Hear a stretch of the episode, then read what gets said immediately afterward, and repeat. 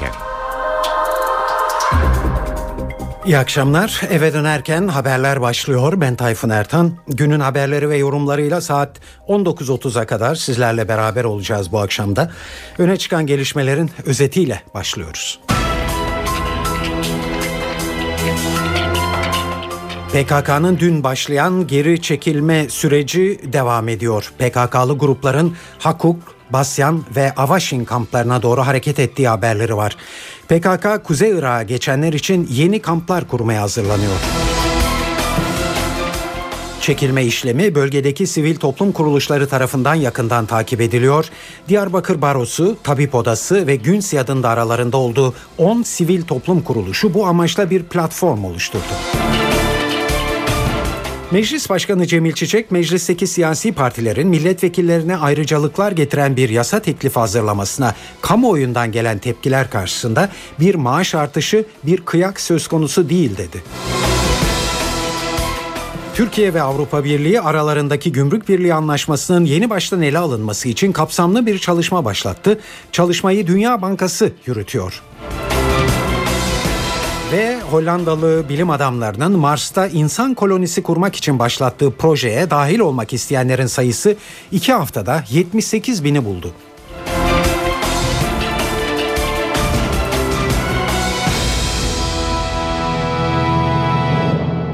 Şimdi bu haberlerin ayrıntılarına geçiyoruz. Çözüm sürecinin en önemli adımlarından biri PKK'nın sınır dışına çekilmesiydi ve dün başladı bu işlem.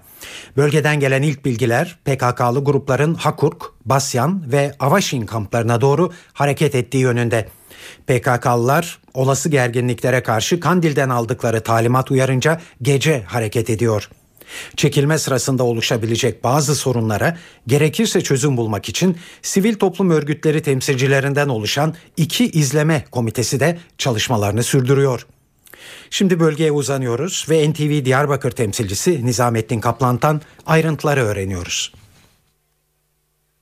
PKK militanlarının dünden itibaren Türkiye topraklarından çıkmaya başlaması bölgede olumlu bir hava yarattı günlerdir kamuoyunda tartışılıyordu bu çekilme süreci ve dün resmen başlamış oldu.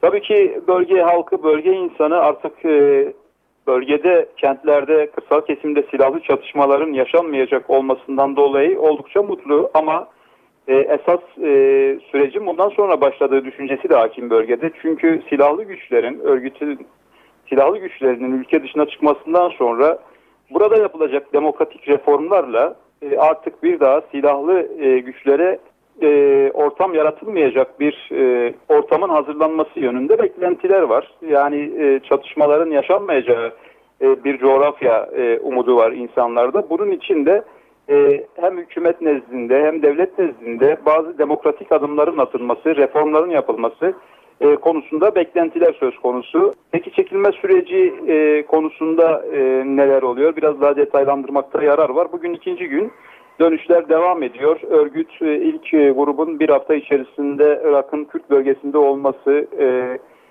Irak'taki kamplarda olması yönünde daha önce bir açıklama yapmıştı ama bu süreç uzun bir süreç ve 3-4 ay sürmesi bekleniyor. Bu yönde BDP eş genel başkanı Selahattin Demirtaş'ın da bir açıklaması vardı zaten özellikle Tunceli, Hatay ve diğer e, Irak sınırına daha uzak bölgelerdeki örgüt militanlarının e, dönüşleri sırasında e, bir aylı yol e, yürüyecekleri hesaplandığında bunların bir buçuk iki ay e, gibi bir süre içerisinde e, Türkiye'yi terk etmesi e, bekleniyor. E, tabii daha çok gece e, yol alınması yönünde e, bilgiler geliyor e, bizlere de e, e, aynı zamanda e, güvenlik güçleriyle karşılaşılmaması ve olası çatışma riskini ortadan kaldırmak için bu yöntem zaten daha önce uygulanıyordu. Dönüşlerde de bu yöntem aynen devam ediyor. Nizamettin Kaplan, NTV Radyo Diyarbakır. Çekilme süreci bölgedeki sivil toplum kuruluşları tarafından yakından takip ediliyor.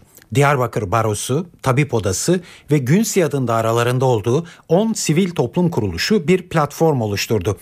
Bu platform bir nevi gözlem gücü rolüyle çekilmeyi yakından izleyecek. O sivil toplum kuruluşları içinde Diyarbakır İnsan Hakları Derneği de var. Derneğin başkanı Raci Bilici komisyon çalışmalarını anlattı.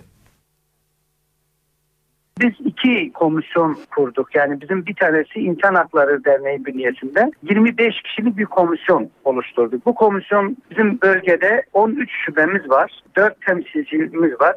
8 MYK üyelerimiz var. 25 kişiden oluşan merkezi Diyarbakır'da Hı. ve her şube kendi bölgesinde işte Siirt'tir, Hakkari'dir, Şırnak'tır, Bingöl'dür, Dersim'dir, Erzurum'dur, Kars'tır, Muş'tur, Cizre'dir, Mardin'dir bu bölge, Diyarbakır bu bütün buralarda bizim şube başkanlarımız bölgede, ille, ilçelerde, köylerde onlara gelebilecek bilgiler olur ya istihbarat şeyleri olur ya da köylerin onlara iletecekleri şeyler olur. Hı hı. Bir şekilde haber alıyoruz sürekli ve o alanlara direktmen hemen mobilize oluyoruz. Kendi e, arkadaşlarımızla beraber oradaki sorunu giderme temelinde ya hükümet yetkililerine öteden beri yaptığımız gibi İç, İçişler Bakanı, Adalet Bakanı kimi ilgilendiriyorsa hı hı. valiliklere, kaymakamlıklara e, bu sorunu giderme noktasında böyle uğraşıyordu, çalışıyordu. Aynı bu şekilde yine bunu da böyle izleyeceğiz. Bunu sonuna kadar ola, ola ki bir yerde bir lokal bir sıkıntı olabilir ya da bireysel bazı e, sıkıntılar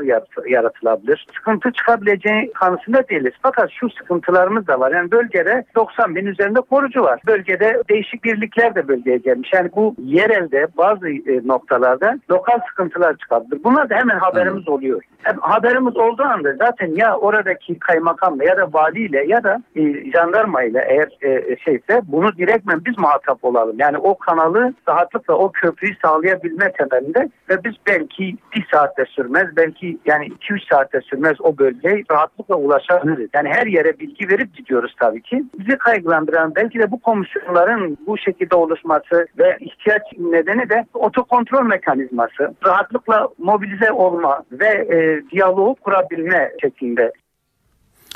Kandil'den de bir açıklama geldi süreçle ilgili olarak. PKK yöneticilerinden Ahmet Deniz, işlem büyük bir hassasiyetle devam ediyor. Yola çıkanlar henüz Kuzey Irak'ta kamplara ulaşmadı dedi. Örgüt mensupları için mevcut kamplarda sıkıntı olacağı gerekçesiyle yeni kamp kurma çalışmaları başlatıldığı öğrenildi. Sınır dışına çekilmeni e, gözleyen bir başka muhatap da tabii Irak merkezi hükümeti. Irak Dışişleri Bakanlığı çözüm süreciyle ilgili dikkat çekici bir açıklamada bulundu ve PKK'lıların Irak topraklarına girmesine karşı çıktı. Bakanlıktan yapılan yazılı açıklamada Irak hükümeti Türkiye'deki Kürt sorununun siyasi ve barışçıl yollarla çözümü konusundaki çabaları takdirle karşılıyor denildi. Ancak bununla birlikte PKK'lıların Irak topraklarına girmesini kabul etmiyoruz ifadesi kullanıldı. Açıklamada silahlı grupların Irak'a girmesinin güvenlik ve istikrarı tehlikeye sokacağı kaydedildi. Bağdat'ın bu tutumunun uluslararası hukuk ilkelerine ve Irak Anayasası'na dayandığı vurgulandı. Mecliste çözüm süreciyle ilgili olarak kurulmuş olan araştırma komisyonu dün akşam üyeleri belirlendikten sonra çalışmalarına başladı. Meclis Genel Kurulu'nda yapılan oylamada komisyon üyeliğine AK Parti'nin aday gösterdiği 10 milletvekiliyle BDP'nin tek adayı Bitlis milletvekili Hüsamettin Zenderlioğlu seçildi. Beklendiği gibi CHP ve MHP komisyona üye vermediler. Komisyon çalışmalarından notları NTV muhabiri Miray Aktağ Uluç anlatıyor. Teröre çözüm sürecine ilişkin komisyon Türkiye Büyük Millet Meclisi'nde dün resmen kuruldu. Kurulmasının ardından ilk toplantısında dün akşam saatlerinde yaptı. Söz konusu komisyonda 10 AK Partili milletvekili bir de Barış ve Demokrasi Partisi'nin Bitlis milletvekili Hüsamettin Zenderlioğlu bulunuyor. Komisyonun ilk toplantısında başkan da belli oldu ve AK Parti Amasya milletvekili Naci Bostancı komisyonun başkanı oldu. Çözüm komisyonunun ikinci toplantısı toplantısında komisyona üye milletvekillerinin teklif ve önerileri, teklif ve değerlendirmeleri alınacak. Bu değerlendirmeler doğrultusunda çözüm komisyonunun çalışma sistemini de belirlemesi bekleniyor. Bugün yapılacak olan toplantıda üyelerin değerlendirmeleri gündemde olacak. Çözüm Komisyonu'nun önümüzdeki günlerde bir internet sayfası, internet sitesi kurması da bekleniyor. Söz konusu internet sitesinde vatandaşlara e, vatandaşlara görüş ve önerileri sorulacak. Aynı zamanda kamuoyuna Çözüm Komisyonu'nun çalışmalarına dair de bilgi verilecek.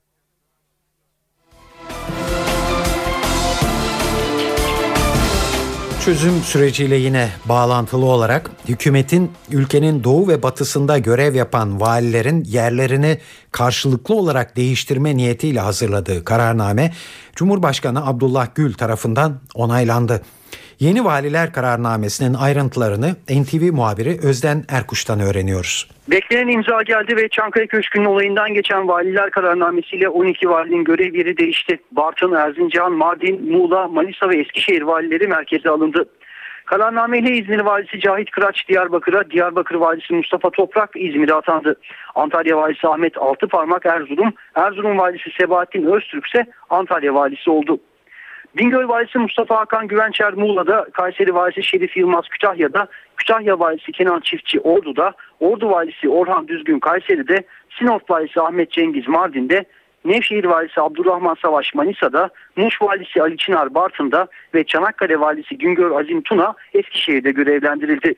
Kararnameyle 6 isim de valiliğe atandı.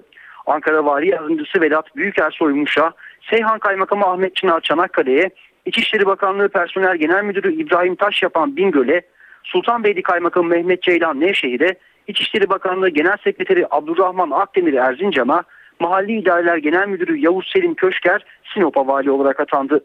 Özden Erkuş, NTV Radyo, Ankara.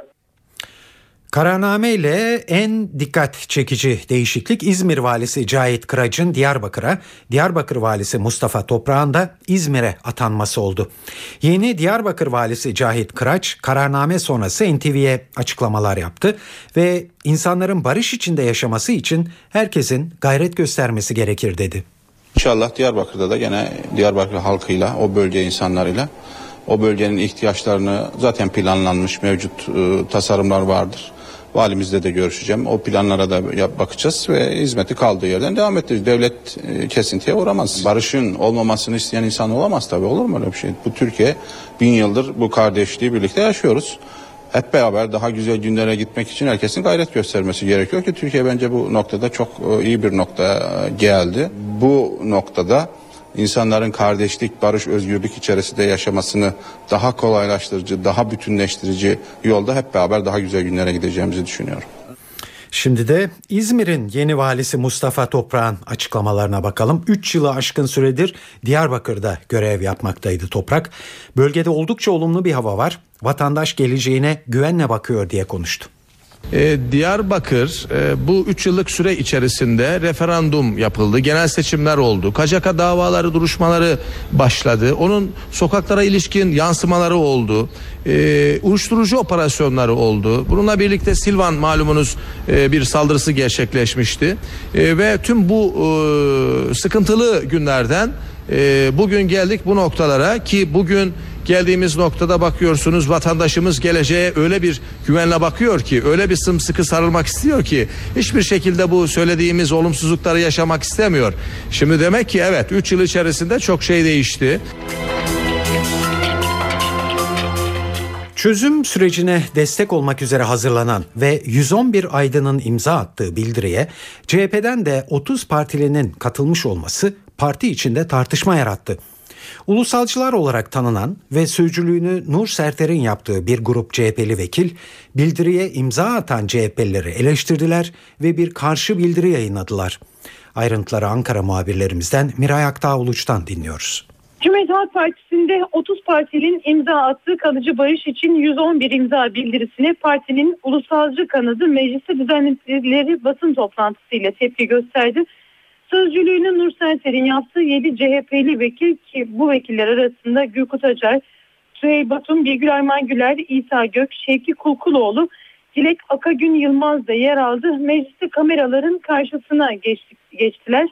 Yaptıkları açıklamada Cumhuriyet Halk Partisi'nin kurumsal kimliğini taşımayan bildirilere imza atmak CHP'nin birlik ve bütünlüğüne zarar vermektedir ifadelerini kullandılar ve partinin yetkili kurullarını göreve çağırdılar parti yönetiminin söz konusu bildirinin içeriğini yeniden değerlendirmeye ve partinin ilke ve ideolojisiyle birlik ve bütünlüğünü korumaya davet ettiler.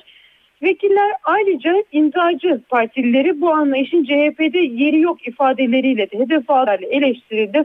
Söz konusu metnin PKK-BDP tezlerini desteklediği, PKK'nın anayasal taleplerine destek verdiği Öcalan'ın yeniden yargılanmasının önünü açtığını savundu 7 milletvekili.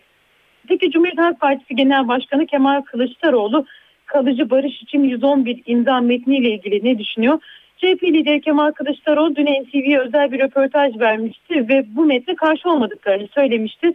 Neden karşı çıkalım diye sormuştu ve aydınlar görüşlerini bildiriyorsa bundan memnuniyet duymak lazım ifadelerini de kullanmıştı. CHP'li 7 vekilin bu metinle ilgili rahatsızlıklarını CHP liderine ilettiği de belirtildi. Bundan sonra genel başkanın nasıl bir tepki vereceği merak konusu işte bu tepkisini muhtemelen yarın genel yayın yönetmenleriyle yapacağı toplantıda ayrıntı olarak da aktaracak CHP lideri Kemal Kılıçdaroğlu. Saat 18.20 NTV Radyo'da eve dönerken haberleri dinliyorsunuz. Meclisteki siyasi partilerin milletvekillerine ayrıcalıklar getiren bir yasa teklifi üzerinde anlaşmalarına kamuoyunun tepki göstermesini Meclis Başkanı Cemil Çiçek yanıtladı. Çiçek değişik kanunlarda yer alan maddelerin bir araya getirildiğini söyledi ve bir maaş artışı ya da bir kıyak söz konusu değil dedi. Maaş artışı ile ilgili bir yanı yok. Sadece değişik kanunlarda ya da fiilen uygulamada olan hususların tek bir kanun çatısı altında toplanmasından ibaret. Meseleye böyle bakarsanız değerlendirme farklı olur. Bir kıyak geçiliyor tarzında yapmak isterseniz her kanunla ilgili de bir şey bulabilirsiniz. Şimdi bu getirilen teklif ile kamuda görevli bir müsteşarın, bir genel müdürün, bir valinin veya bir başka makam sahibinin sahip olduğu hakların ötesinde bir şey bu teklifle benim bildiğim gelir durumu yok. Zaten bunlar ya fiilen ya da başkaca kanunların içerisine sıkıştırmış vaziyetteyken milletvekillerinin ne olduğunu ne olduğunu hangi statüde olduğunun bir defaya mahsus belirlenmesinden ibarettir. Bayram geliyor bakınız 19 Mayıs var önümüzdeki günlerde. Eski ya da yeni milletvekilleri bu protokolde nerede yer alacak? Bu Türkiye'nin muhtelif illerinde farklı uygulamalara sebebiyet veriyor. Bazı illerde tartışmalara sebebiyet veriyor. Milletin iradesini temsil eden milletvekilinin eskisinin ve yenisinin yeri geliyor oturacak sandalye bulamadığını ben şahidim. Onun için bütün bu karmaşayı, kargaşayı ortadan kaldıracak bir statü yasasına gerçekten ihtiyaç var. Evet aynı bu konuda dün de Başbakan Yardımcısı Bülent Arınç geçmişte benzer düzenlemeler yapıldığında dile getirilen eleştirileri hatırlattı ve o tartışmalar nasıl unutulduysa bu tartışmada düzenleme yürürlüğe girdikten sonra yine unutulur yanıtını verdi. Peki neydi kamuoyundan tepki gören bu yeni kanun teklifinde yer alan ayrıcalıklar? Bunları Ankara muhabirlerimizden Murat Koralp anlatıyor. Mecliste temsil edilen 4 siyasi partinin 12 grup başkan vekili eksiksiz imza koydu bu yasa teklifine. Milletvekillerine ait araçlara bundan böyle trafikte ceza kesilemeyecek ve trafikte öncelikli geçiş hakkına sahip olacak milletvekillerinin araçları. İkinci olarak milletvekilleri eskiden milletvekilliği yapanlar ve dışarıdan atanan bakanlar bunların eşleri ve çocuklarına öğrenimi devam eden çocuklarına diplomatik pasaport hakkı geliyor. Üçüncü olarak milletvekilleri artık bir rozetle kendilerini tanıtma imkanları olacak milletvekilleri, eski milletvekilleri ve dışarıdan atanan bakanlar silah bulundurma ve taşıma ruhsatı da kazanabilecekler. Protokol sıraları çok tartışılırdı milletvekillerinin. Bundan böyle başkentte yapılan törenlerde kuvvet komutanlarının ardından gelecek milletvekilleri. Kamu kurum sosyal tesislerinde bu kurumların en yüksek yöneticileri gibi tesislerden yararlanacak bütün milletvekilleri. Bu bütün milletvekilleri derken eski milletvekillerini de kapsar şekilde genişletildi. Kısaca ayrıntılarını böyle özetleyebiliriz. Eski Emniyet Genel Müdürlüğü Özel Harekat Dairesi Başkanı Behçet Oktay'ın öldürülmesiyle ilgili davada katil zanlısı olarak yargılanan Halil Kesici beraat etti. Kararın ve dava dosyasının ayrıntılarını Ankara muhabirlerimizden Özden Erkuş'tan alıyoruz. Beklenen imza geldi ve Çankaya Köşkü'nün olayından geçen valiler kararnamesiyle 12 valinin görev yeri değişti. Bartın, Erzincan, Mardin, Muğla, Manisa ve Eskişehir valileri Size yanlış bir haberi e, yansıttık. Bir kez daha e, tekrarlayalım. Eski Emniyet Genel Müdürlüğü Özel Harekat Dairesi Başkanı Behçet Oktay'ın öldürülmesiyle ilgili davada katil Oldu. zanlısı olarak yargılanan Halil Kesici beraat etti. Kararın ayrıntılarını Ankara muhabirlerimizden Özden Erkuş anlatıyor. Özel Harekat Daire Başkanı Behçet Oktay 2009 yılında Ankara Dikmen'de aracında ağır yaralı olarak bulunmuştu, vurulmuş olarak bulunmuştu. Hastaneye götürülürken yolda hayatını kaybetti. Bu olay önce intihar olarak kayıtlara geçti ve ardından da takipsizlik kararı verildi. Ancak daha sonra verilen takipsizlik kararı Sincan Ağır Ceza Mahkemesi tarafından bozulmuştu. Bunun üzerine de olayın tek görgü tanığı olan Halil Kesici hakkında tahammüden adam öldürmek suçlamasıyla önce soruşturma başlatıldı. Ardından da dava açılmıştı. Soruşturmanın ve davanın tüm aşamalarında Kesici olayın intihar olduğunu belirtti ve iddiaları reddetti. Olay sırasında Behçet Oktay'ın yanında bulunduğunu belirten Halil Kesici'nin cep telefonu kayıtları incelendi. Yine 155 polis imdat kayıtları oradaki kayıtlar değerlendirildi. Yine iddianameye bunlar delil olarak sunuldu. Ancak 8. Ağır Ceza Mahkemesi mevcut delil durumunun Kesici'nin lehine olduğuna hükmederek Kesici'nin Emniyet Genel Müdürlüğü Özel Harekat Dairesi eski baş, başkanı Behçet Oktay'ı öldürmek suçundan beraatine karar verdi ve 2009 yılında gerçekleşen bu şüpheli ölümle ilgili nihai karar da verilmiş oldu. Sağlık çalışanlarına yönelik şiddet haberlerine bir yenisi de Aydın'ın Nazilli ilçesinden eklendi. 63 yaşındaki operatör doktor Bahattin Düley'in evine giren iki kişi önce evde yalnız olan eşini etkisiz hale getirdi. Daha sonra eve gelen doktoru bir sandalyeye bağlayan zanlılar Düley'i dövdükten sonra dizine iki el ateş edip kaçtılar. Güçlükle bağlarından kurtulan çift polise haber verdi. Doktor ve eşi hastaneye kaldırıldı. Şimdi saldırganların yakalanmasına çalışılıyor. Başbakan Erdoğan Türkiye'nin nükleer santral projelerine değindi. Santraller tamamlandığında doğal gaz ihtiyacının üçte birinin karşılanmış olacağını söyledi ve üçüncü nükleer santrali belki de Türkiye kendisi inşa edecek dedi. Başbakan nükleer santrallerle sessiz bir devrim gerçekleştiriyoruz diye konuştu. Çevreye ve insana zarar gelmemesi için önlemler alındığını söyledi. Japonya Başbakanının ziyaretinde çok önemli bir anlaşmaya imza attık. Malum Sinop'ta nükleer santral inşaatı için anlaşmaya vardık. Bu ikinci nükleer enerji santrali anlaşmamız. Mersin Akkuyu'yu Rusya yapıyor. Sinop'a yapılacak ikinci santralde Türkiye'nin belli bir payı var. Üçüncü santrali yaparken Türkiye'nin payını daha da artırmış olacağız ve belki de onu biz kendimiz inşa edeceğiz. Güvenlikle ilgili her tedbir alınacak ve en modern, en ileri teknoloji güvenlik bu nükleer santrallerde uygulanacak. Dünyada meydana gelen özellikle de Japonya'da en son depremde meydana gelen kaza göz önünde bulundurularak azami güvenlik önem, önlemi sağlanacak. Ülkemizin artan enerji ihtiyacı ve dışarıya ödediğimiz kaynak düşünüldüğünde nükleer santral ile biz adeta sessiz devrim gerçekleştiriyoruz. Türkiye ve Avrupa Birliği aralarındaki gümrük birliği anlaşmasının yeni baştan ele alınması için kapsamlı bir çalışma başlattı. Avrupa Birliği Türkiye Delegasyonu Başkanı Jean-Maurice Ripper, çalışmanın Dünya Bankası tarafından yürütüldüğünü ve sonuçları sonbaharda alacaklarını söyledi. Gümrük Birliği'nin iyi işlemediği iddiaları iki tarafta da var. Çözüm üretmek istiyoruz. Fayda ve zararlarını ele alacak şekilde Dünya Bankası'nın çalışma yürütmesi için girişimde bulunduk. Özel bir ekip çalışıyor. Sonuçları sonbaharda almış olacağız. Sonra neler yapabileceğimize karar vereceğiz. Ripper, Avrupa Birliği ile Türkiye arasındaki ilişkilerde öne çıkan diğer konulara da değindi. Çözüm süreciyle ilgili olarak bu adımı memnuniyetle karşılıyoruz.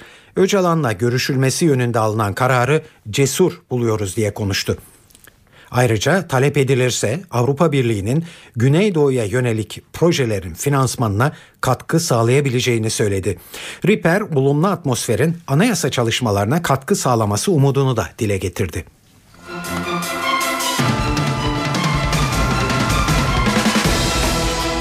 Bankaların müşteriyle imzaladığı sözleşmeler kısalacak ve daha anlaşılır hale sokulacak. Türkiye Bankalar Birliği ile Bankacılık Düzenleme ve Denetleme Kurumu Türkçecilerden gelen şikayetçilerin başında gelen banka sözleşmelerine el attı. Yapılacak düzenleme ile küçük puntolarla ve sayfalarca yazılan sözleşmeler yerine kısa, net ve daha büyük puntolarla yazılmış sözleşme yapılması zorunlu hale geliyor. Bankalarla müşteriler arasındaki ilişkilerin yeni bir düzene sokulması da amaçlanıyor. Örneğin hesap sahiplerinin izni olmadan kredili mevduat hesabı açılamayacak.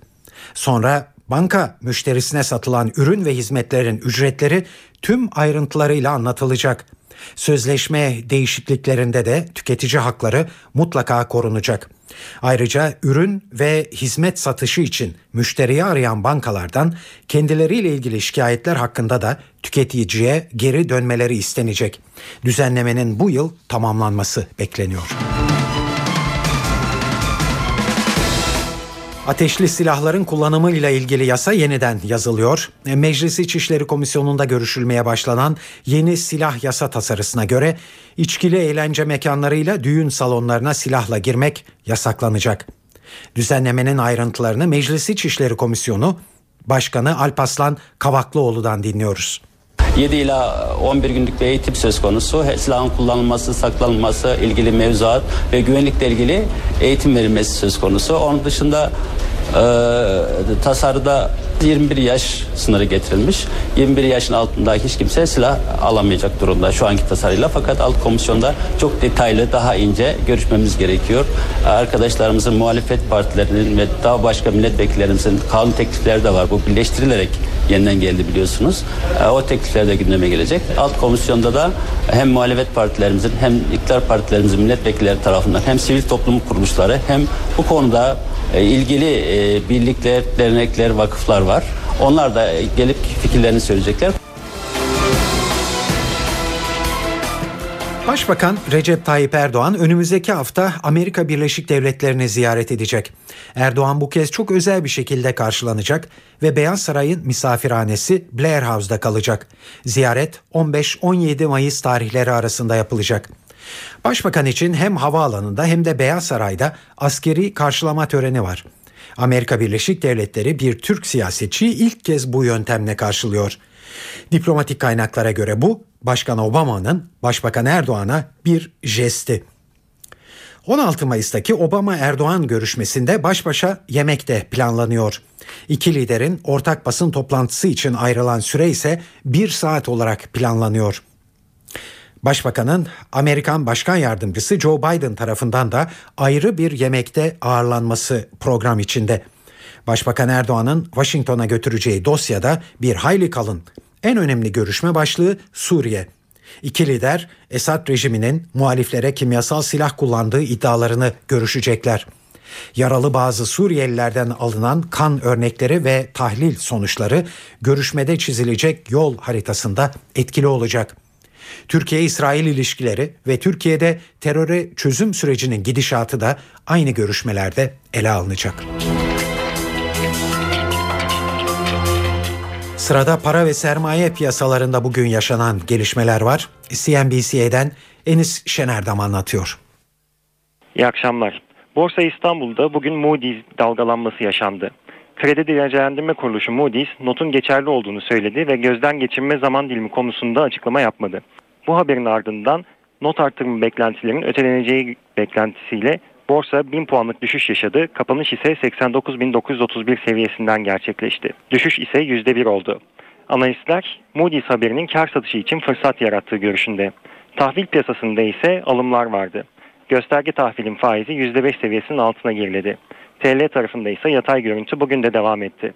Yurt dışında ise soluklanmayı takip ettik. Avrupa borsaları ve ABD borsalarında rally'nin devam ettiği ancak kar satışlarının kısa süreli olarak etkili olabileceği belirtiliyor.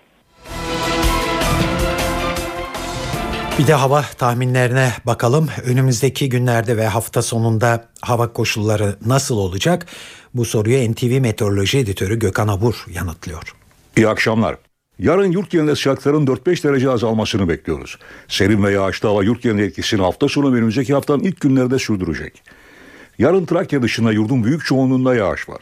Yağışların Burdur, Uşak, Afyonkarahisar, Kütahya, Bilecik, Bolu ve doğuda Malatya, Elazığ, Bitlis, Erzurum ve Mardin arasında çok daha kuvvetli olmasını bekliyoruz. Trakya, Marmara ve Kuzey Ege dışındaki yağışlar yer yer kuvvetli olmak üzere cumartesi gününe devam edecek. Yağışların Karadeniz'e daha kuvvetli olmak üzere pazar günü etkisini sürdürmesini bekliyoruz. İstanbul'da yarın hava bulutlu. Sabah hafif yağmur bekliyoruz. Sıcaklık ise 17 dereceye silecek çünkü Poyraz oldukça sert esecek. Ankara'da yarın ve hafta sonu sağanak yağmur var. Sıcaklık gündüz 23, gece ise 14 derece olacak. İzmir'de yarın da yer yer yağmur bekliyoruz. Sıcaklık 23 dereceye inecek, gece sıcaklığı ise 16 derece olacak. Saat 18.38 NTV Radyo'da eve dönerken haberleri dinliyorsunuz. Uluslararası toplum Suriye'deki krize çözüm arayışını hızlandırıyor. Rusya ile Suriye konusunda uluslararası bir konferans yapılması için uzlaşan Washington, şimdi de İngiltere Başbakanı David Cameron'ı ağırlamaya hazırlanıyor. Cameron, pazartesi günü Başkan Barack Obama ile Beyaz Saray'da Suriye krizini ele alacak. İngiltere, Esad'a karşı savaşan muhaliflerin silahlandırılmasından yana olan tutumuyla biliniyor. Uluslararası toplumu Suriye konusunda uzun bir zamandan sonra harekete geçiren etken çatışmanın daha da yayılması tehlikesi. Amerikan Dışişleri Bakanı John Kerry'e göre Suriye krizine siyasi çözüm bulunmazsa ülke kaosa sürüklenip parçalanabilir. Ancak Suriyeli muhalifler siyasi bir çözüme temkinli yaklaşıyor. Bu çözümün Beşar Esad'ın iktidarı bırakmasıyla bağlantılı olduğu vurgulanıyor. Muhalifler söz konusu siyasi çözümde Esad'ın akıbetine değinilmediğine işaret ediyorlar ve başında Suriye liderinin olacağı bir hükümetle görüşmeyeceklerinin altını çiziyorlar. İsrail ile Türkiye arasındaki ilişkilerin normale dönmesi yolunda yeni gelişmeler var. Mavi Marmara baskınında ölenlerle ilgili tazminat görüşmelerinde uzlaşmaya yaklaşılmasının ardından sırada Ankara ve Tel Aviv'in karşılıklı büyükelçi atamaları olabilir. Bu açıklama İsrail tarafından geldi. İsrail Başbakanı Benjamin Netanyahu'nun ulusal güvenlik danışmanı Yakov Amidror, tazminat konusunda kesin anlaşmanın kısa sürede sağlanmasını beklediklerini söyledi ve bu aşamadan sonra sıranın karşılıklı olarak büyükelçi atamasına geleceği yorumunda bulundu. Amerika Birleşik Devletleri 10 yıl boyunca kaçırılıp alıkoyulan 3 kadını konuşuyor. Soruşturma ilerledikçe yeni ayrıntılar ortaya çıkıyor. Savcılık kadınların tutulduğu evin sahibi Ariel Castro'nun 4 kaçırma ve 3 tecavüz suçlamasıyla yargılanmasını istedi. 52 yaşındaki zanlıyla birlikte tutuklanan iki erkek kardeşinin ise olayla ilgisi olmadığına karar verildi. Porto Rico asıllı zanlı Ariel Castro'nun tüm kanıtların toplanmasının ardından hakim karşısına çıkarılacağı belirtildi. Kararın açıklanmasından saatler önce Ariel Castro'nun kurbanlarından 27 yaşındaki Amanda Berry ve 23 yaşındaki Gina de Jesus'un eve dönüşlerinde büyük coşku yaşandı. İtalya'nın eski başbakanı Silvio Berlusconi'ye yargıdan kötü haber var. Sahibi olduğu medya şirketinde geçen yıl vergi kaçırdığı için 4 yıl hapse mahkum edilen Berlusconi'nin cezası temiz mahkemesince onaylandı. Berlusconi'nin avukatları kararı Yargıtay'a taşıyacaklar. Ayrıntıları NTV İtalya muhabiri Şeyda Kanepa anlatıyor. Eski Başbakan Silvio Berlusconi kendisine ait Mediaset şirketinin yabancı film haklarına ödenen bedele ilişkin vergi kaçırdığı iddiasıyla Milano Mahkemesi tarafından geçtiğimiz yıl Ekim ayında 4 yıl hapis cezasına çarptırıldı ve kamuda 5 yıl görev alması yasaklandı. Berlusconi'nin avukatları karara itiraz ederek temize gitti. Ancak Milano Temiz Mahkemesi bir alt mahkemenin verdiği mahkumiyet kararını onayladı. Geçtiğimiz haftalarda Yargıtay'a başvurarak davaya bakan savcı ve hakimlerin tarafsız olmadığını iddia eden davanın başka bir kente alınmasını isteyen Berlusconi'nin bu talebinin geri çevrilmesinin ardından temiz kararlı beklenen tarihten önce geldi. Eski başbakanın mahkumiyeti hakkında son kararı Yargıtay verecek. İddiaları reddeden Berlusconi savcıların siyasi kariyerini bitirmek için kasıtlı davrandığını savunuyor.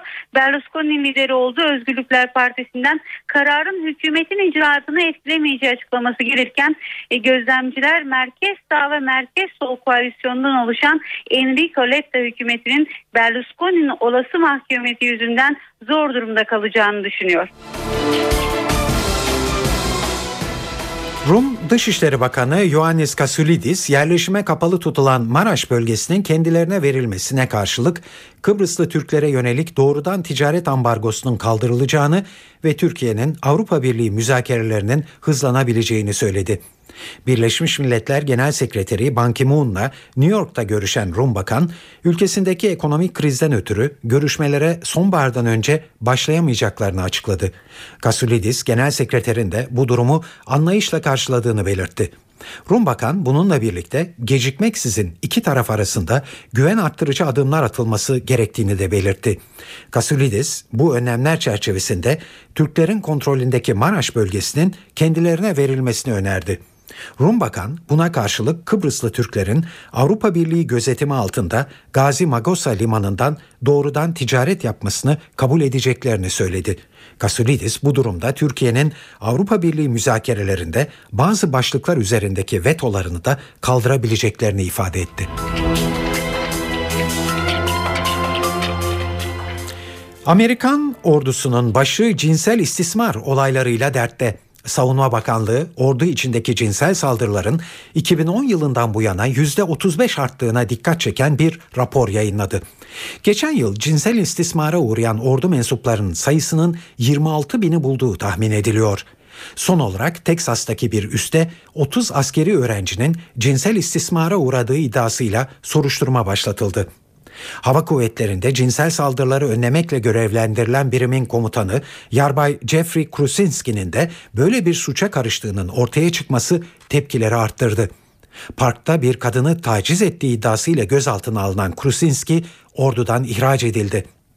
Amerika Birleşik Devletleri Başkanı Barack Obama başkumandan olarak buna müsamaha göstermeyeceğini vurguluyor ve cinsel saldırılardan suçlu bulunanların ordudan atılacağını söylüyor. Cinsel istismar bir zorbalık, bir suç. Tüm toplum için geçerli. Eğer ordu içinde oluyorsa bu kişiler üniformalarına ihanet ediyorlar demektir. Savunma Bakanı Chuck Hagel da ordu içinde yaşanan vakaları kınıyor. Cinsel istismar alçakça bir suç. Ordunun karşı karşıya olduğu en büyük sorunlardan. Bu kurumun güvenirliğine ve itibarına zarar veriyor.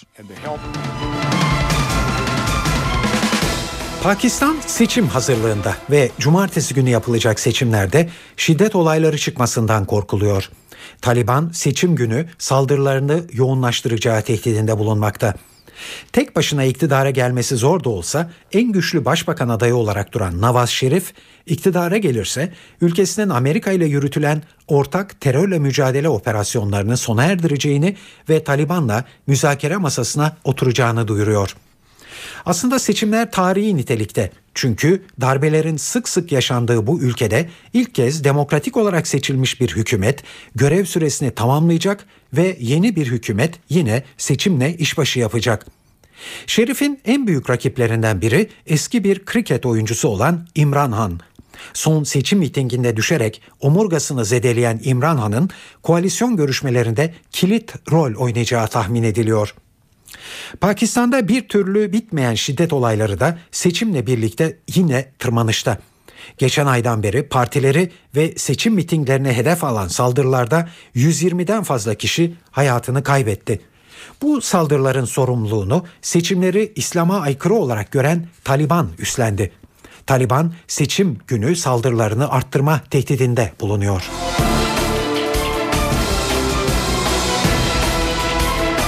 Hollandalı bilim adamları Mars'ta insan kolonisi kurmak için bir proje başlattı. Projeye dahil olmak isteyenlerin sayısı 2 haftada 78 bine ulaştı. 120'den fazla ülkeden binlerce gönüllü kendi çektikleri videolarla Mars One ekibine başvuruda bulunuyor. Amaç 2023 yılına kadar kızıl gezegende bir koloni kurmak. Ancak önemli bir sorun var. Mevcut teknolojiyle Mars'tan dünyaya dönmek mümkün değil. Yani 6 milyar dolarlık bu projeye katılanlar bir kez Mars'a ayak basınca hayatlarının geri kalanını orada geçirmeye razı olacaklar. İki kadın ve iki erkekten oluşacak dört kişilik ilk grup 7 yıl sürecek bir eğitimin ardından 7 ay sürmesi planlanan bir yolculukla Mars'a gidecek. Mars One grubu projeyi finanse edebilmek için tüm süreci internet üzerinden yayınlayacak.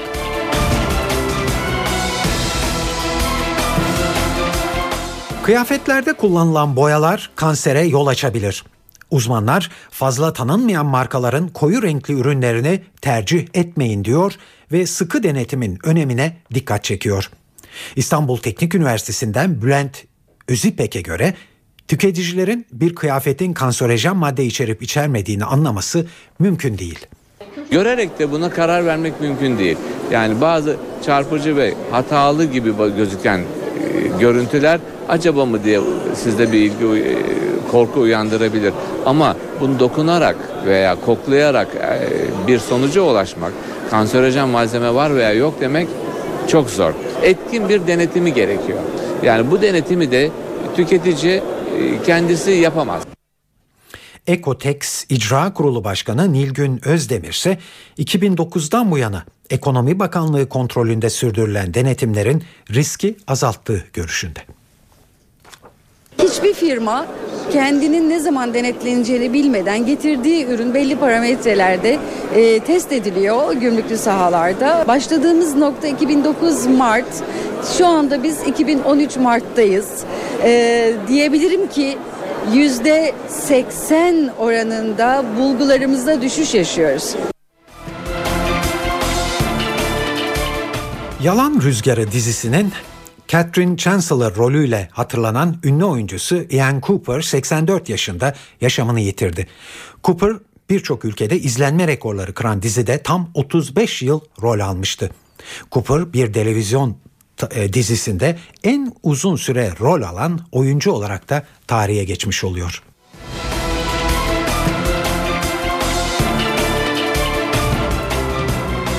Manchester United'ın efsanevi menajeri Sir Alex Ferguson'ın bu sezon sonunda futbola veda edeceğini açıklamasının yankıları geniş oldu.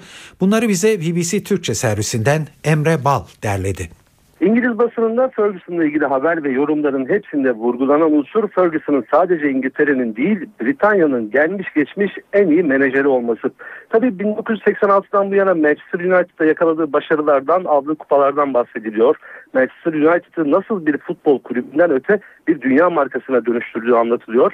Yerini de kimsenin dolduramayacağı, aynı başarıları başka kimsenin yakalayamayacağı görüşü de hakim. Biraz da kral öldü yaşasın yeni kral durumu da var. Çünkü basında bir yandan Ferguson'a metiyeler düzülürken bir yandan da yoğun bir şekilde hedefinin kim olacağı konuşuluyor.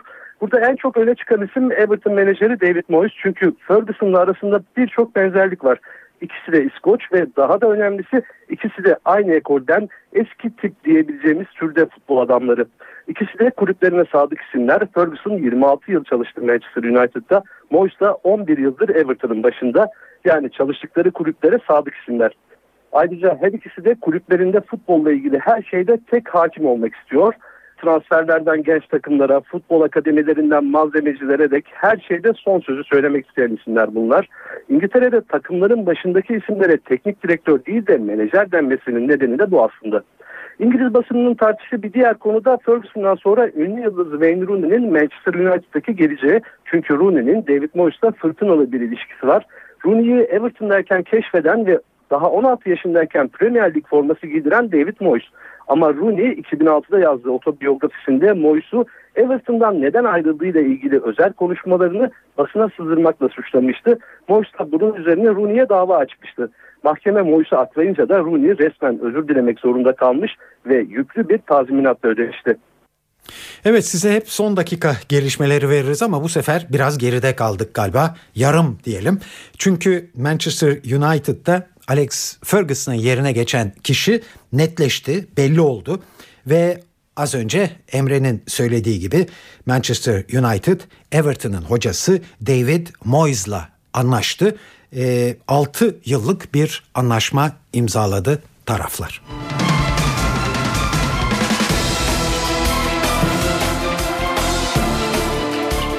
Ziraat Türkiye Kupası finali Fenerbahçe ile Trabzonspor arasında oynanacak. Sarı lacivertli takım birbirin rövanşında Eskişehir Sporu penaltı atışlarıyla 4-1 yendi. Trabzonspor'la Sivas Spor'u 6-0 yenerek finale çıktı. Kupa tarihi boyunca Fenerbahçe Trabzonspor'la ikinci kez final oynayacak. İki takım arasında 2009-2010 sezonunda final maçını 3-1 Trabzon kazanmıştı. Bu final 22 Mayıs akşamı.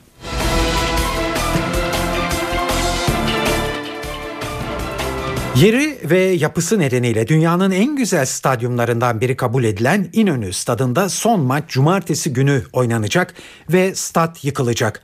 Adım adım gerçekleştirilecek bu yıkım ve yeni stat yine aynı yere yapılacak.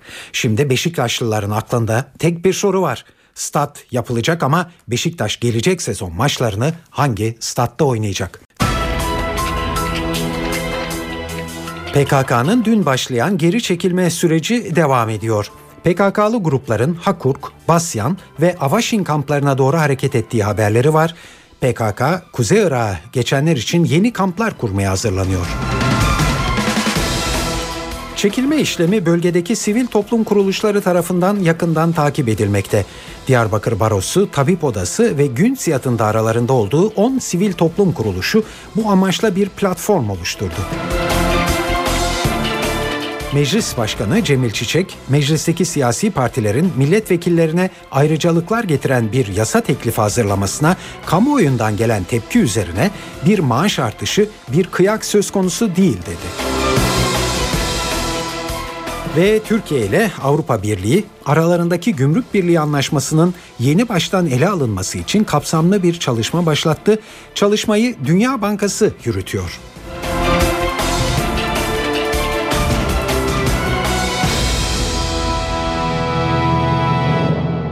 Şimdi ayrıntılar.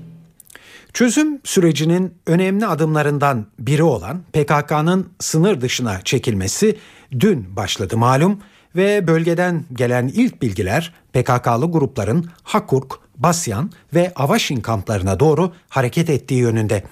PKK'lılar olası gerginliklere karşı Kandil'den aldıkları talimat uyarınca gece hareket ediyor. Çekilme sırasında oluşabilecek bazı sorunlara gerekirse çözüm bulmak için de sivil toplum örgütleri temsilcilerinden oluşan iki izleme komitesi çalışmalar yapıyor. Şimdi bölgeden NTV Diyarbakır temsilcisi Nizamettin Kaplan'dan son bilgileri alıyoruz. PKK militanlarının dünden itibaren Türkiye topraklarından çıkmaya başlaması bölgede olumlu bir hava yarattı. Günlerdir kamuoyunda tartışılıyordu bu çekilme süreci ve dün resmen başlamış oldu. Tabii ki bölge halkı, bölge insanı artık e, bölgede, kentlerde, kırsal kesimde silahlı çatışmaların yaşanmayacak olmasından dolayı oldukça mutlu ama e, esas e, sürecin bundan sonra başladığı düşüncesi de hakim bölgede. Çünkü silahlı güçlerin, örgütün silahlı güçlerinin ülke dışına çıkmasından sonra burada yapılacak demokratik reformlarla e, artık bir daha silahlı e, güçlere e, ortam yaratılmayacak bir ortamın hazırlanması yönünde beklentiler var. Yani çatışmaların yaşanmayacağı bir coğrafya umudu var insanlarda. Bunun için de hem hükümet nezdinde hem devlet nezdinde bazı demokratik adımların atılması, reformların yapılması e, konusunda beklentiler söz konusu. Peki çekilme süreci e, konusunda e, neler oluyor? Biraz daha detaylandırmakta yarar var. Bugün ikinci gün dönüşler devam ediyor. Örgüt e, ilk e, grubun bir hafta içerisinde Irak'ın Kürt bölgesinde olması, e, Irak'taki kamplarda olması yönünde daha önce bir açıklama yapmıştı ama bu süreç uzun bir süreç e, ve 3-4 ay e, sürmesi bekleniyor. Bu yönde BDP eş genel başkanı Selahattin Demirtaş'ın da bir açıklaması vardı zaten. Özellikle Tunceli, Hatay ve diğer e, Irak sınırına daha uzak bölgelerdeki örgüt militanlarının e, dönüşleri sırasında e, bir ayda yol e, yürüyecekleri hesaplandığında bunların bir buçuk iki ay e, gibi bir süre içerisinde e, Türkiye'yi terk etmesi e, bekleniyor. E, tabii daha çok gece e, yol alınması yönünde e, bilgiler geliyor e, bizlere de. E, e, aynı zamanda e, güvenlik güçleriyle karşılaşılmaması ve olası çatışma riskini ortadan kaldırmak için bu yöntem zaten daha önce uygulanıyordu. Dönüşlerde de bu yöntem aynen devam ediyor. Nizamettin Kaplan, NTV Radyo Diyarbakır. Çekilme süreci bölgedeki sivil toplum kuruluşları tarafından yakından takip edilmekte. Diyarbakır Barosu, Tabip Odası ve Günsiyad'ın da aralarında olduğu 10 sivil toplum kuruluşu bir platform oluşturdu. Bu platform bir nevi gözlem gücü rolüyle çekilmeyi yakından izleyecek. İşte o sivil toplum kuruluşlarının içinde yer alan Diyarbakır İnsan Hakları Derneği'nin başkanı Raci Bilici komisyon çalışmalarını anlattı. Biz iki komisyon kurduk. Yani bizim bir tanesi İnsan Hakları Derneği bünyesinde 25 kişilik bir komisyon oluşturduk. Bu komisyon bizim bölgede 13 şubemiz var. 4 temsilcimiz var. 8 MYK üyelerimiz var. 25 kişiden oluşan merkezi Diyarbakır'da Hı. ve her şube kendi bölgesinde işte Siirt'tir, Hakkari'dir, Şırnak'tır, Bingöl'dür, Dersim'dir, Erzurum'dur, Kars'tır, Muş'tur, Cizre'dir, Mardin'dir bu bölge, Diyarbakır bütün buralarda bizim şube başkanlarımız bölgede, ille, ilçelerde, köylerde onlara gelebilecek bilgiler olur ya istihbarat şeyleri olur ya da köylerin onlara iletecekleri şeyler olur. Hı hı. Bir şekilde haber alıyoruz sürekli ve o alanlara direktmen hemen mobilize oluyoruz. Kendi e, arkadaşlarımızla beraber oradaki sorunu giderme temelinde ya hükümet yetkililerine öteden beri yaptığımız gibi İç, İçişler Bakanı, Adalet Bakanı kimi ilgilendiriyorsa hı hı. valiliklere, kaymakamlıklara e, bu sorunu giderme noktasına böyle uğraşıyordu, çalışıyordu. Aynı bu şekilde yine bunu da böyle izleyeceğiz. Bunu sonuna kadar ola, ola ki bir yerde bir lokal bir sıkıntı olabilir ya da bireysel bazı e, sıkıntılar yaratılabilir. Sıkıntı çıkabileceği kanısında değiliz. Fakat şu sıkıntılarımız da var. Yani bölgede 90 bin üzerinde korucu var. Bölgede değişik birlikler de bölgeye gelmiş. Yani bu yerelde bazı e, noktalarda lokal sıkıntılar çıkabilir. Bunlar da hemen haberimiz oluyor. Hem haberimiz olduğu anda zaten ya oradaki kaymakamla ya da valiyle ya da e, jandarma ile eğer e, şeyse bunu direktmen biz muhatap olalım. Yani o kanalı rahatlıkla o köprüyü sağlayabilme temelinde ve biz belki bir saatte sürmez belki yani 2-3 saatte sürmez o bölgeye rahatlıkla ulaşabiliriz. Yani her yere bilgi verip gidiyoruz tabii ki. Bizi kaygılandıran belki de bu komisyonların bu şekilde oluşması ve ihtiyaç nedeni de otokontrol mekanizması, rahatlıkla mobilize olma ve e, diyaloğu kurabilme şeklinde. Kandil'den de bir açıklama geldi bu süreçle ilgili olarak. PKK yöneticilerinden Ahmet Deniz, işlem büyük bir hassasiyetle devam ediyor. Yola çıkanlar henüz Kuzey Irak'taki kamplara ulaşmadı dedi. Örgüt mensupları için mevcut kamplarda e, sıkıntı olabileceği gerekçesiyle yeni kamp kurma çalışmaları başlatıldığı öğrenildi.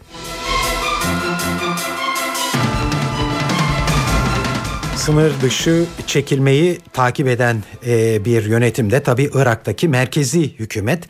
Irak Dışişleri Bakanlığı çözüm süreciyle ilgili dikkat çekici bir açıklama yaptı. PKK'lıların Irak topraklarına girmesine karşı çıktı. Bakanlıktan yapılan yazılı açıklamada Irak hükümeti Türkiye'deki Kürt sorununun siyasi ve barışçıl yollarla çözümü konusundaki çabaları takdirle karşılıyor denildi. Ancak PKK'lıların Irak topraklarına girmesini kabul etmiyoruz ifadesi kullanıldı. Açıklamada silahlı grupların Irak'a girmesinin güvenlik ve istikrarı tehlikeye sokacağı kaydedildi. Bağdat'ın bu tutumunun uluslararası hukuk ilkelerine ve Irak Anayasasına dayandığı vurgulandı.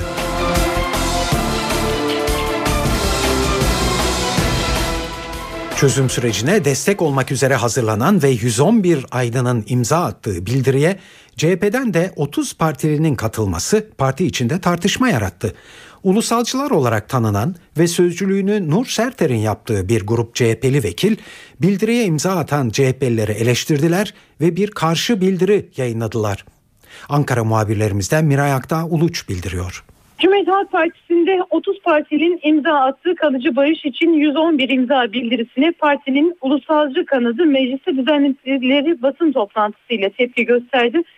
Sözcülüğünü Nur Senser'in yaptığı 7 CHP'li vekil ki bu vekiller arasında Gülkut Acar, Süheyl Batum, Bilgül Arman Güler, İsa Gök, Şevki Kulkuloğlu, Dilek Akagün Yılmaz da yer aldı. Mecliste kameraların karşısına geçti, geçtiler. Yaptıkları açıklamada Cumhuriyet Halk Partisi'nin kurumsal kimliğini taşımayan bildirilere imza atmak CHP'nin birlik ve bütünlüğüne zarar vermektedir ifadelerini kullandılar ve partinin yetkili kurullarını göreve çağırdılar. Parti yönetiminin söz konusu bildirinin içeriğini yeniden değerlendirmeye ve partinin ilke ve ideolojisiyle birlik ve bütünlüğünü korumaya davet ettiler. Vekiller ayrıca imzacı partilileri bu anlayışın CHP'de yeri yok ifadeleriyle de hedef aldılar ve karşı bir bildiri de yayınladılar. Bu bildiride de kalıcı barış için 111 imza metni ve buna imza atan CHP'liler sert sözlerle eleştirildi. Söz konusu metnin PKK-BDP tezlerini desteklediği, PKK'nın anayasal taleplerine destek verdiği Öcalan'ın yeniden yargılanmasının önünü açtığını savundu 7 milletvekili. Peki Cumhuriyet Halk Partisi Genel Başkanı Kemal Kılıçdaroğlu kalıcı barış için 111 imza metniyle ilgili ne düşünüyor? CHP lideri Kemal Kılıçdaroğlu dün NTV'ye özel bir röportaj vermişti ve bu metne karşı olmadıklarını söylemişti. Neden karşı çıkalım diye sormuştu ve aydınlar görüşlerini bildiriyorsa bundan memnuniyet duymak lazım ifadelerini de kullanmıştı. CHP'li 7 vekilin bu metinle ilgili rahatsızlıklarını CHP liderine ilettiği de belirtildi. Bundan sonra genel başkanın nasıl bir tepki vereceği merak konusu işte bu tepkisini muhtemelen yarın genel yayın yönetmenleriyle yapacağı toplantıda ayrıntı olarak da aktaracak CHP lideri Kemal Kılıçdaroğlu. Saat 19.16 NTV Radyo'da eve dönerken haberleri dinliyorsunuz. Meclisteki siyasi partilerin milletvekillerine ayrıcalıklar getiren bir yasa teklifi üzerinde anlaşmalarına kamuoyunun tepki göstermesini Meclis Başkanı Cemil Çiçek yanıtladı bugün. Çiçek değişik kanunlarda yer alan maddelerin bir araya getirildiğini söyledi ve bir maaş artışı bir kıyak söz konusu değil dedi. Maaş artışı ile ilgili bir yanı yok. Sadece değişik kanunlarda ya da fiilen uygulamada olan hususların tek bir kanun çatısı altında toplanmasından ibaret. Meseleye böyle bakarsanız değerlendirme farklı olur. Bir kıyak geçiliyor tarzında yapmak isterseniz her kanunla ilgili de bir şey bulabilirsiniz. Şimdi bu getirilen teklif ile kamuda görevli bir müsteşarın, bir genel müdürün, bir valinin veya bir başka makam sahibinin sahip olduğu hakların ötesinde bir şey bu teklifle benim bildiğim gelir durumu yok. Zaten bunlar ya fiilen ya da başkaca kanunların içerisine sıkıştırılmış vaziyetteyken milletvekillerinin ne olduğunu ne olduğunu hangi statüde olduğunun bir defaya mahsus belirlenmesinden ibarettir. Bayram geliyor bakınız 19 Mayıs var önümüzdeki günlerde. Eski ya da yeni milletvekilleri bu protokolde nerede yer alacak? Bu Türkiye'nin muhtelif illerinde farklı uygulamalara sebebiyet veriyor. Bazı illerde tartışmalara sebebiyet veriyor. Milletin iradesini temsil eden milletvekilinin eskisinin ve yenisinin yeri geliyor oturacak sandalye bulamadığını ben şahidim. Onun için bütün bu karmaşayı, kargaşayı ortadan kaldıracak bir statü yasasına gerçekten ihtiyaç var. Aynı konuda dün de Başbakan Yardımcısı Bülent Arınç geçmişte benzer düzenlemeler yapıldığında dile getirilen eleştirileri hatırlattı ve o tartışmalar nasıl unutulduysa bu tartışmada düzenleme yürürlüğe girdikten sonra unutulur yanıtını verdi. Peki neydi kamuoyundan tepki gören bu yeni kanunun e, içinde yer alan ayrıcalıklar? Ankara muhabirlerimizden Murat Koralp anlatıyor.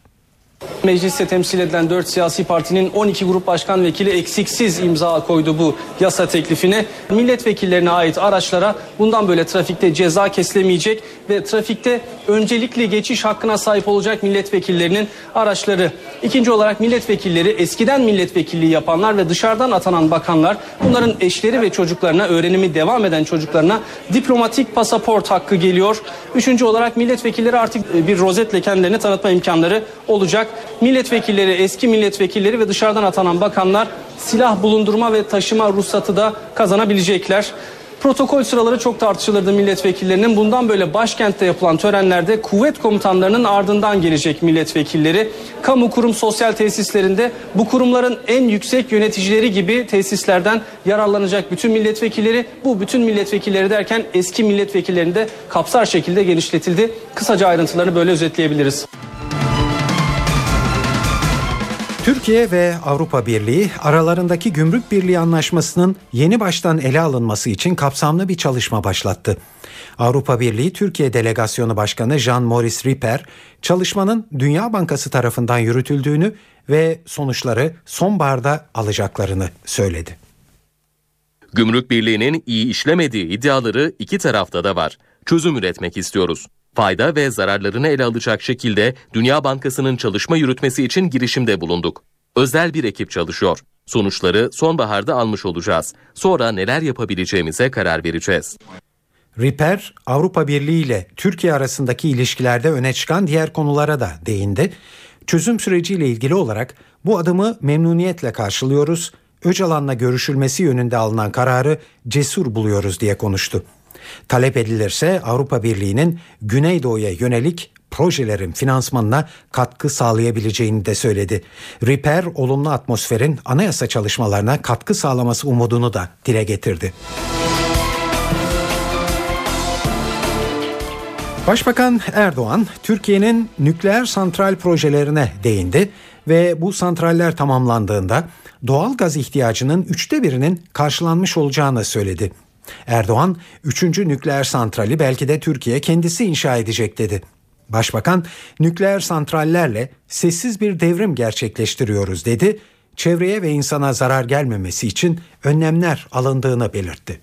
Japonya Başbakanı'nın ziyaretinde çok önemli bir anlaşmaya imza attık. Malum Sinop'ta nükleer santral inşaatı için anlaşmaya vardık. Bu ikinci nükleer enerji santrali anlaşmamız. Mersin Akkuyu'yu Rusya yapıyor. Sinop'a yapılacak ikinci santralde Türkiye'nin belli bir payı var. Üçüncü santrali yaparken Türkiye'nin payını daha da artırmış olacağız ve belki de onu biz kendimiz inşa edeceğiz. Güvenlikle ilgili her tedbir alınacak ve en modern, en ileri teknoloji güvenlik bu nükleer santrallerde uygulanacak. Dünyada meydana gelen özellikle de Japonya'da en son depremde meydana gelen kaza göz önünde bulundurularak azami güvenlik önem, önlemi sağlanacak. Ülkemizin artan enerji ihtiyacı ve dışarıya ödediğimiz kaynak düşünüldüğünde nükleer santral ile biz adeta sessiz devrim gerçekleştiriyoruz. Hollandalı bilim adamları Mars'ta insan kolonisi kurmak için bir proje başlattı. Projeye dahil olmak isteyenlerin sayısı 2 haftada 78 bine ulaştı.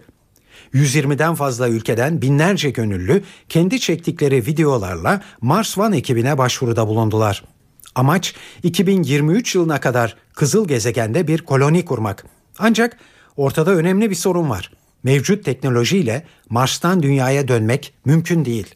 Yani 6 milyar dolarlık bu projeye katılanlar bir kez Mars'a ayak basınca hayatlarının geri kalanını orada geçirmeye mahkum olacaklar.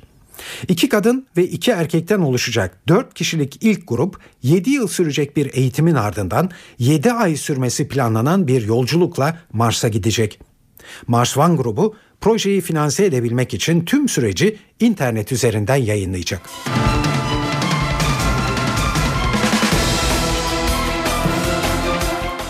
Manchester United'ın İngiltere'de efsanevi menajeri Sir Alex Ferguson dün kulüpten ayrılacağını söylemişti bu sezon sonunda. Futbola veda ediyor Sir Alex Ferguson ve Manchester United hiç e, ara vermeden e, Everton'ın hocası David Moyes'la e, anlaşmaya vardı.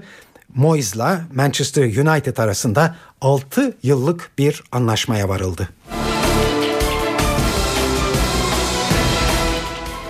Şimdi kültür ve sanat faaliyetlerinden derlediğimiz haberler var sırada.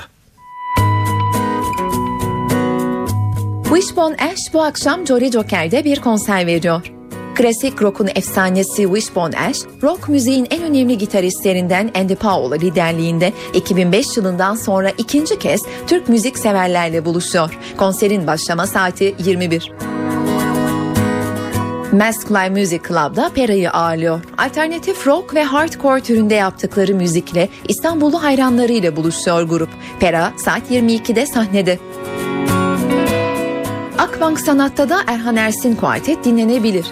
Gitarda Erhan Ersin ve Silvio Schneider, kontrbasta Simon Quinn ve davulda Martin Krumling'den oluşan topluluğun performansı saat 20'de başlıyor. Onlar Horizon'da Beyoğlu Hayal Kahvesi'nde bu akşam post rock türünde deneysel müzikleriyle Rock and Coke One Love Festival gibi etkinliklerde yer alan grup saat 22'de başlıyor konserine. Londra'nın en ünlü müzikali We Will Rock You dünya turnesinin 10. yılında bu akşam İstanbul'da sahnelenecek. 17 ülkede 12 milyondan fazla kişi tarafından izlenen ve Queen'in en iyi 24 şarkısından oluşan müzikal bugün saat 21'de başlıyor. Etkinlik mekanı Ülker Sports Arena. İzmir'den de önerimiz olacak. Depeche Mode albüm tanıtma turnesi kapsamında vereceği konserle 17 Mayıs'ta Maçka Küçük Çiftlik Park'ta olacak. Konser öncesi İzmir Biospar, İzmirli Depeche Mode hayranları için bir etkinliğe ev sahipliği yapıyor. Hem yeni albümü Delta Machine'den hem de eski albümlerinden şarkılar eşliğinde düzenlenen gecede Biospar saat 21'de açıyor kapılarını. Tiyatro severler için de iki oyun önerimiz var. Ankara Devlet Tiyatroları İrfan Şahinbaş sahnesi Cesaret Ana ve çocuklarına ev sahipliği yapıyor bugün. Bertolt Brecht, İkinci Dünya Savaşı'nın hemen öncesinde 1939'da kaleme aldığı geleceği haber veren bu oyunda Cesaret Ana ve çocuklarının başına gelenler üzerinden savaşa gömülmüş bir dünyayı mercek altına alıyor. Oyunun başlama saati 20. İzmir Devlet Tiyatroları konak sahnesinde de Budala sahneye konuyor. Dostoyevski'nin en önemli aşk romanı kabul edilen Budala'nın yönetmeni Bozkurt Kuruç, başlama saati 20. Bu akşam evdeyseniz CNBC'de The Lost seti izlenebilir. Andy Garcia'nın yönetmenliğini üstlendiği film 1950'li yıllar Küba'sında geçiyor ve 1933'ten beri ülkeyi yöneten 20 bin kişiyi öldürdüğü söylenen Batista'nın son yıllarını beyaz perdeye taşıyor. Filmin başlama saati 22. Öncesinde ise saat 20'de How I Met Your Mother, 21'de de Person of Interest ekranda olacak. Star TV'de ise saat 22.15'te Popstar ekrana gelecek. Eve dönerken haberler e, böylece bu akşam da burada sona eriyor. Bu yayının editörlüğünü Onur Koçaslan, stüdyo teknisyenliğini Ceyhun Hoşol yaptı. Ben Tayfun Ertan. Hepinize iyi akşamlar diliyoruz.